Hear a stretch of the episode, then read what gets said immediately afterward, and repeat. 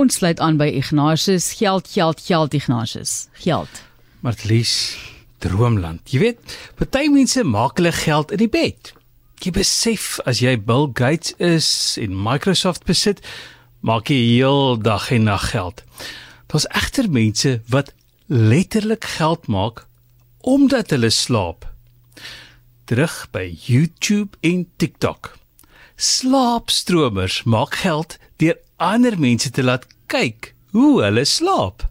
Nou, my dogtertjie se droomland is pragtig.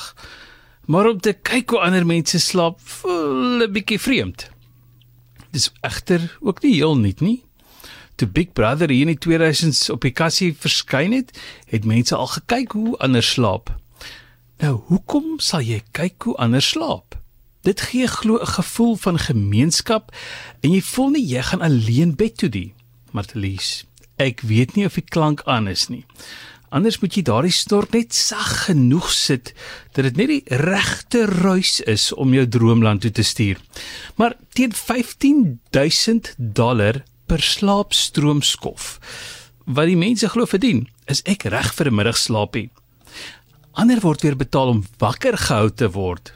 Jy kan betaal vir toeters en alarms. Jy kan selfs 95 dollar. Ek het nie die rand omskakeling gaan doen nie, maar 95 dollar betaal om 'n ou te skok met een of ander armbandjie om sy arm, net om seker te maak hy bly wakker.